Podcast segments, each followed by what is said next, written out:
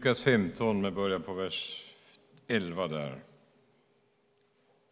Jesus sade, en man hade två söner. Den yngre sade till fadern, Far, ge mig den del av förmögenheten som ska bli min. Då skiftade fadern sin egendom mellan dem. Några dagar senare hade den yngre sonen sålt allt han ägde och gav sig iväg till ett främmande land och där slösade han bort sin förmögenhet på ett liv i utsvävningar. När han hade gjort av med allt blev det en svår hungersnöd i landet och han började lida nöd. Han gick och tog tjänst hos en välbärgad man i det landet och denne skickade ut honom på sina ägor för att vakta svin. Han hade gärna velat äta sig mätt på fröskidorna som svinen åt men ingen lät honom få något. Då kom han till besinning och tänkte hur många daglönare hos min far har inte mat i överflöd och här svälter jag ihjäl. Jag ger mig av hem till min far och säger till honom Far, jag har syndat mot himlen och mot dig. Jag är inte längre värd att kallas din son. Låt mig få gå som en av dina daglönare. Och han gav sig hem till sin far. Och redan på långt håll fick fadern syn på honom. Han fylldes av medlidande och sprang emot honom och omfamnade och kysste honom. Sonen sade, Far, jag har syndat mot himlen och mot dig. Jag är inte längre värd att kallas din son. Men fadern sa till sina tjänare, skynda er att få fram min finaste dräkt och klä honom i den och sätt en ring på hans hand och skor på hans fötter och hämta gödkalven och slakta den, så ska vi äta och hålla fest. Min son var död och lever igen. Han var förlorad och är återfunnen. Och festen började. Men den äldste sonen var ute på fälten. När han på vägen hem närmade sig huset hörde han musik och dans. Han kallade på en av tjänarna och frågade vad som stod på. Tjänaren svarade, din bror har kommit hem och din far har låtit slakta gödkalven därför att han har fått tillbaka honom välbehållen. Då blev han arg och ville inte gå in. Fadern kom ut och försökte tala honom till rätta, men han svarade, här har jag tjänat dig i alla dessa år och aldrig överträtt något av dina bud, och mig har du aldrig gett ens en killing att festa på med mina vänner. Men när han kommer hem, din son som har lyft upp din egendom tillsammans med horor, då slaktar du gödkalven. Fadern sa till honom, mitt barn, du är alltid hos mig och allt mitt är ditt. Men nu måste vi hålla fest och vara glada, för din bror var död och lever igen. Han var förlorad och är återfunnen. Amen.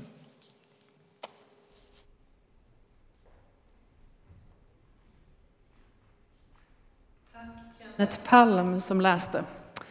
Jag heter Eva-Marie Hultberg och fortsätter den här predikan nu. Är Gud rättvis? Är nåden rättvis? När vi funderade på vad det här temat skulle heta så funderade vi faktiskt några dagar på om det skulle heta orättvist.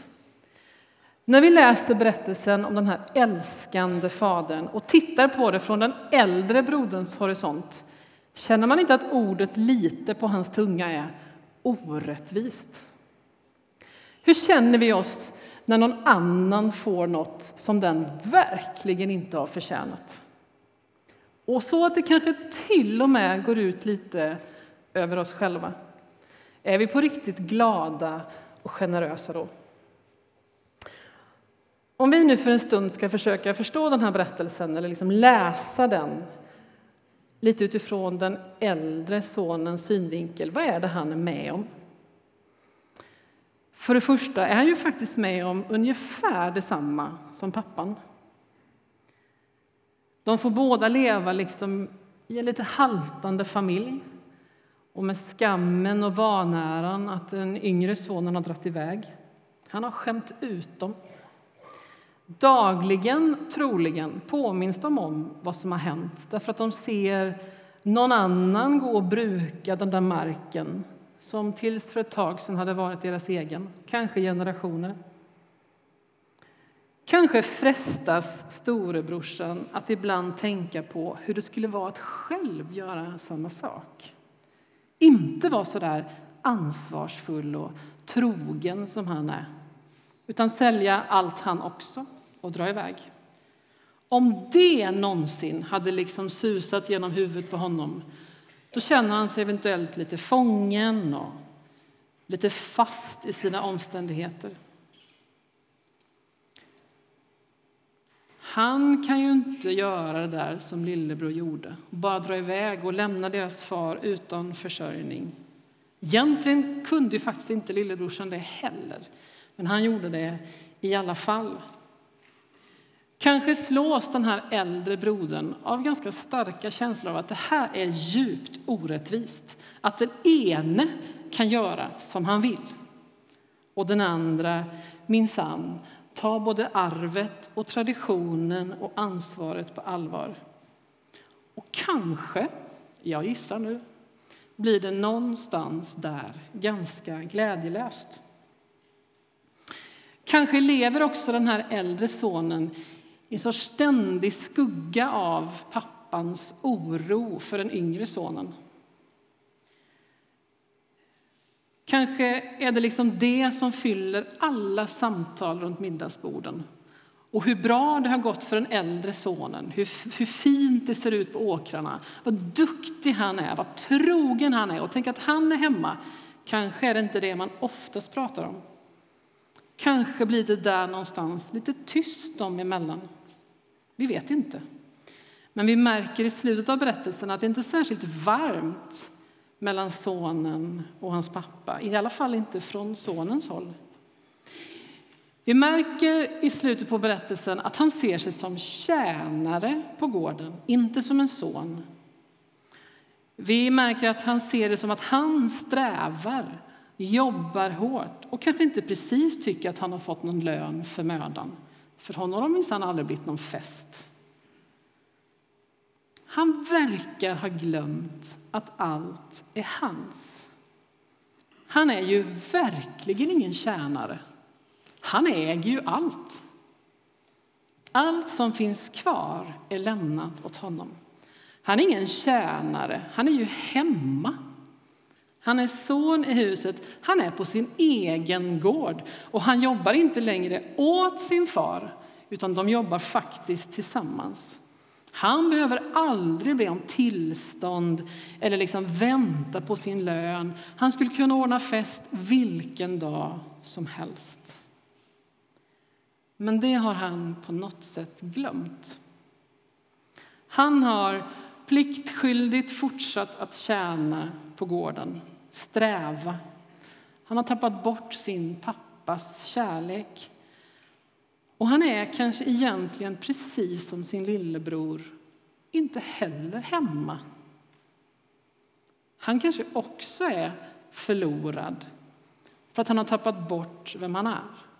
Att han är hemma, att han är älskad, att han är son i huset. Det är som att han också har tagit avstånd, inte geografiskt och farit till främmande land men känslomässigt till sin pappa, till sin bror och kärleken har kallnat. I scenen som vi just fick höra läsas där han får veta att lillebror har kommit hem, då läste vi ju så här från vers 28. Då, alltså när han fått veta vad som har hänt, blev han arg och ville inte gå in. Fadern kom ut efter honom och försökte tala honom till rätta, men han svarade Här har jag tjänat dig i alla dessa år och aldrig överträtt något av dina bud och mig har du aldrig ens gett en killing att fästa på. Men när han kommer hem, din son som har levt upp all din egendom tillsammans med horor, då slaktar du gödkalven. Fadern sa till honom, mitt barn, du är alltid hos mig och allt mitt är ditt. Sonen visar ganska mycket av sig själv i den där korta ordväxlingen. Hur han ser på sig själv, hur det står till med relationen till hans far och vad han tänker om sin lillebror. Din son, kallar han sin bror. Och visst kan man höra tonfallet. Man kan ana att han nästan spottar fram de där orden. Han har ju själv liksom hållit alla sin fars bud, säger han. Han har jobbat utan anmärkning på gården. Han har aldrig, tydligen, anar man, känt någon uppskattning för det eller det skulle vara något värt. Han har aldrig blivit firad, säger han. Han är troligen både avundsjuk och kränkt. Dessutom, tänk dig själv. Det som är kvar, det är ju hans arv. Allt det är hans. Ska hans lillebror komma tillbaka hem nu, helt utan pengar? Ska han flytta hem igen? Och ska han leva på sin storebrors pengar? Allt det där som är kvar. Och den där festen går ju på storebrorsans budget. Ska liksom det här som är kvar, som är hans, ska det delas upp en gång till? Var ska egentligen gränsen gå för orättvisan? Är det rimligt att bara förlåta, välkomna, bjuda in, ödsla tid, kraft och pengar på den där uslingen som kanske troligen drar vilken dag som helst för andra gången. Ska han bekosta en dyr fest? Den äldre sonen är inte glad. Han känner sig nog inte ens hemma i den här familjen längre. Han har levt klanderfritt, men på något sätt blivit vilse långt bort från sin fars kärlek. Precis som den yngre sonen möts med kärlek när han kommer hem så möts faktiskt också den äldre sonen av kärlek efter det här utbrottet. Pappans hjärta slår för honom också, men frågan är om kärleken når fram till den här ganska självtillräcklige storebrorn. Det får vi inte veta. Fadern sa till honom, mitt barn, du är alltid hos mig och allt mitt är ditt. Pappan visar sitt hjärta också för sin äldre son. Mitt barn, du är ju hemma. Här har vi ju varit hela tiden tillsammans och du äger ju allt det här. Allt har jag gett dig. Du är inte tjänare här. Du är min son. Har du glömt det? Du har ju full tillgång till både rikedomarna och till mig. Nu måste vi fira och glädja oss. Låt oss inte vara snåla. Jag tänker att oftast när vi läser den här liknelsen, och har du varit på många gudstjänster så har du hört den här berättelsen många gånger. Och tänker att vi ofta skakar så lite lätt på huvudet åt den här storebror. För inte är väl vi alls som han. Hur kan han vara så hårdhjärtad? Hur kan han inte ta emot sin lillebror? För det hade vi ju gjort alla dagar i veckan, eller hur? Jesus berättar ju den här liknelsen för att förklara och förtydliga varför han har kommit och till vem han har kommit. Han har inte kommit till dem som menar sig klara sig själva, som har ett fullödigt liv och som aldrig gör några fel och som är liksom på en så hög nivå av moral och leverne så att man kan liksom, ja, lite lita på sin egen förmåga. Det är inte för dem han har kommit. Han har kommit till dem som är långt borta från Gud, som inte klarar sig själva, som behöver Jesus och som inte ens hade tillträde till templet i det här fallet. Och han tar den äldre, duktige, noggranne, strävsamme, gode sonen på en bild, som en bild på dem som menar att de inte behöver Gud, som menar sig vara för mer än de andra. Och orden som Jesus lägger i den där sonens mun, det är ord av högmod och att han tycker att pappan är djupt orättvis som slösar godhet och förlåtelse på någon som inte har förtjänat det. Frågan är var jag hamnar i den här berättelsen. Vem blir jag i den här rolllistan? Vem liknar vi mest? Älskar vi som Gud eller ser vi med onda ögon på att han är god? Klarar vi av att vara generösa så där som Gud är och möta varje människa med nåd, godhet, generositet, öppenhet, glädje? Jag ska faktiskt läsa en liknelse till idag som har en parallell poäng. Och den hämtar vi från Matteus 20.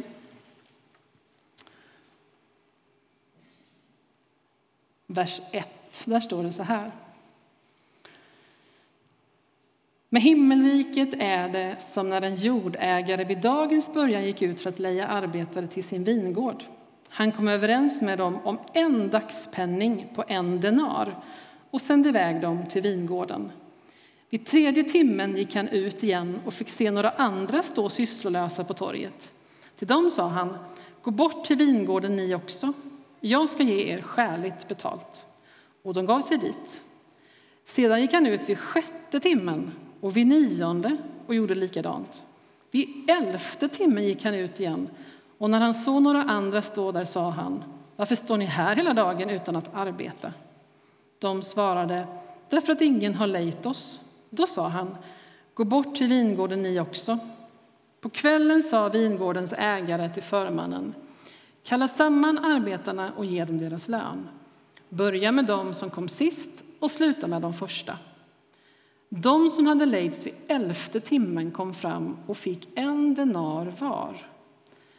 När sedan de första steg fram trodde de att de skulle få mer, men fick var sin denar de också. Då protesterade de och sa till ägaren, de där som kom sist har bara hållit på en timme och du jämställer dem med oss som har slitit hela dagen i solhettan. Då sa han till en av dem, min vän, jag är inte orättvis mot dig. Vi kom ju överens om en denar. Ta nu vad du ska ha och gå. Men jag vill ge den siste lika mycket som du fick. Har jag inte rätt att göra som jag vill med det som är mitt? Eller ser du med onda ögon på att jag är god? Så ska de sista bli först och de första sist. Ser vi med onda ögon på att Gud är god? Eller ser vi med glädje och generositet på Guds godhet? Guds godhet mot andra. Mot den som inte har förtjänat det så som vi har förtjänat det. Eller beklagar vi oss och tycker att Gud ger ju vissa förtur. Han slarvar med konsekvenserna och vi blir orättvist behandlade. Vem blir vi i den här berättelsen?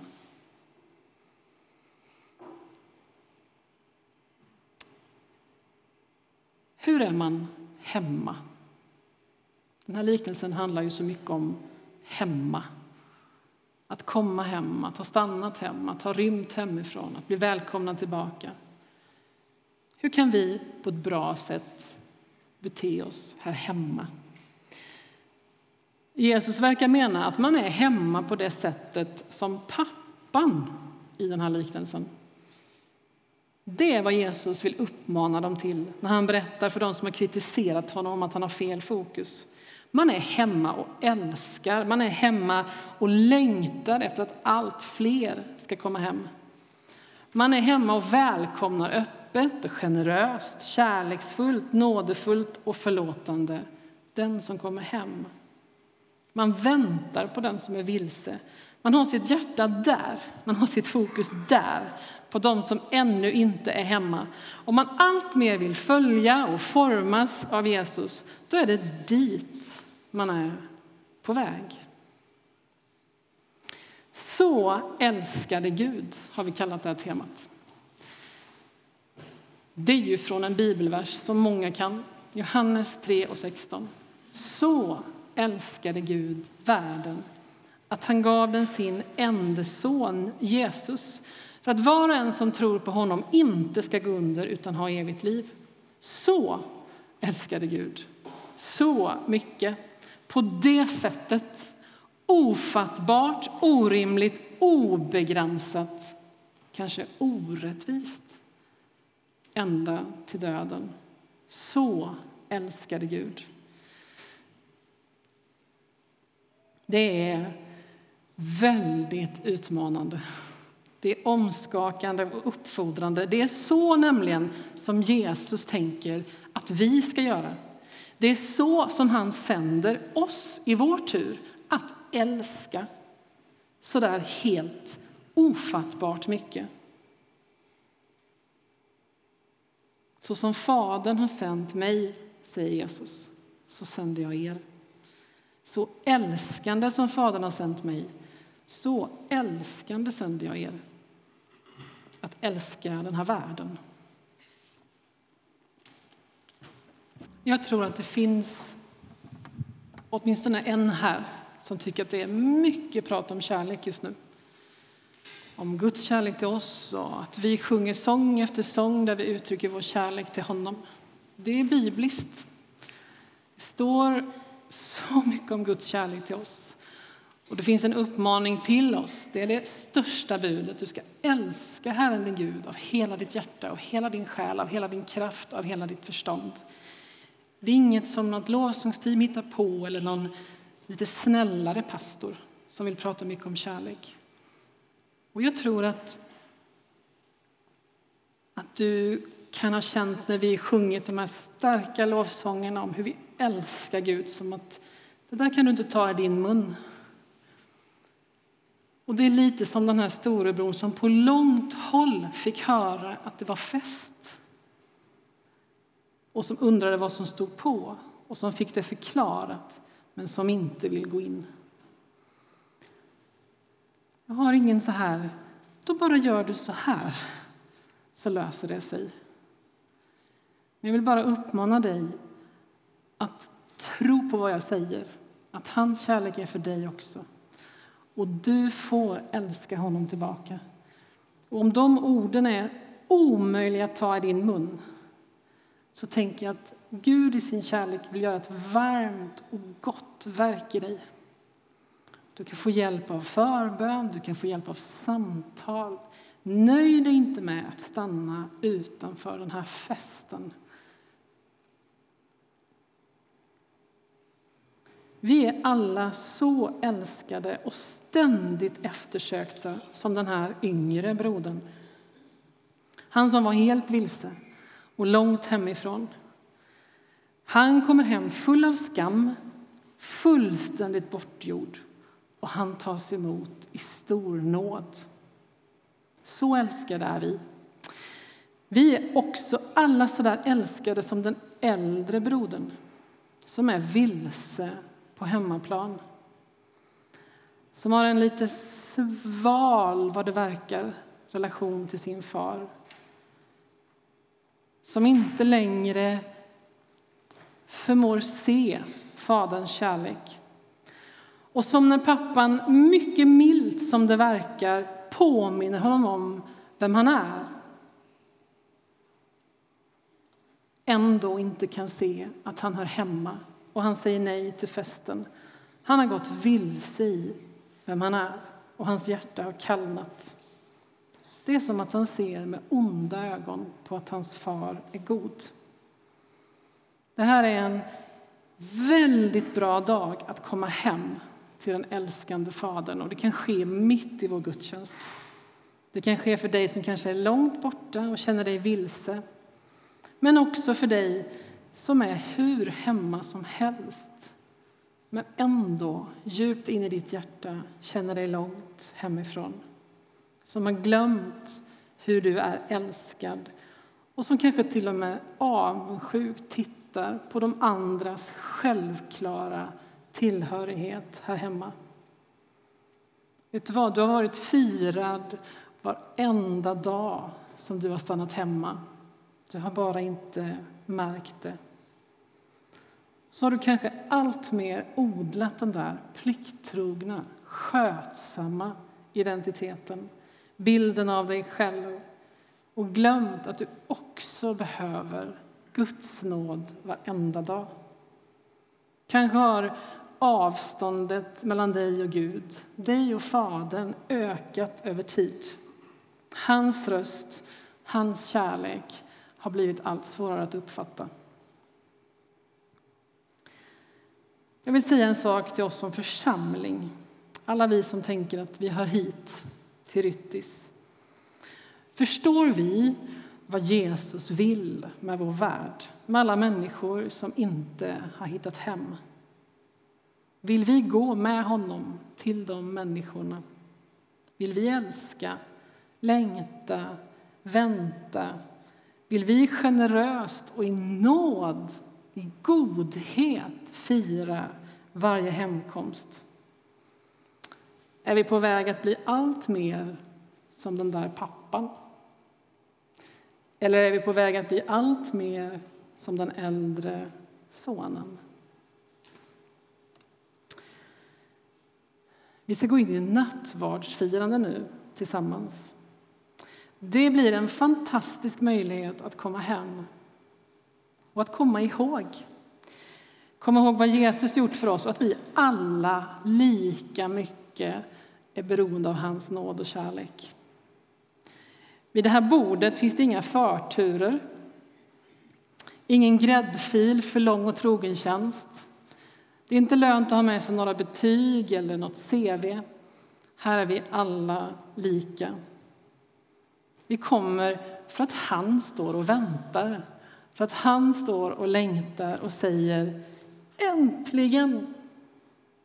Och här får vi också komma ihåg att vi hör ihop och erkänna vårt beroende, inte bara av honom utan också av varandra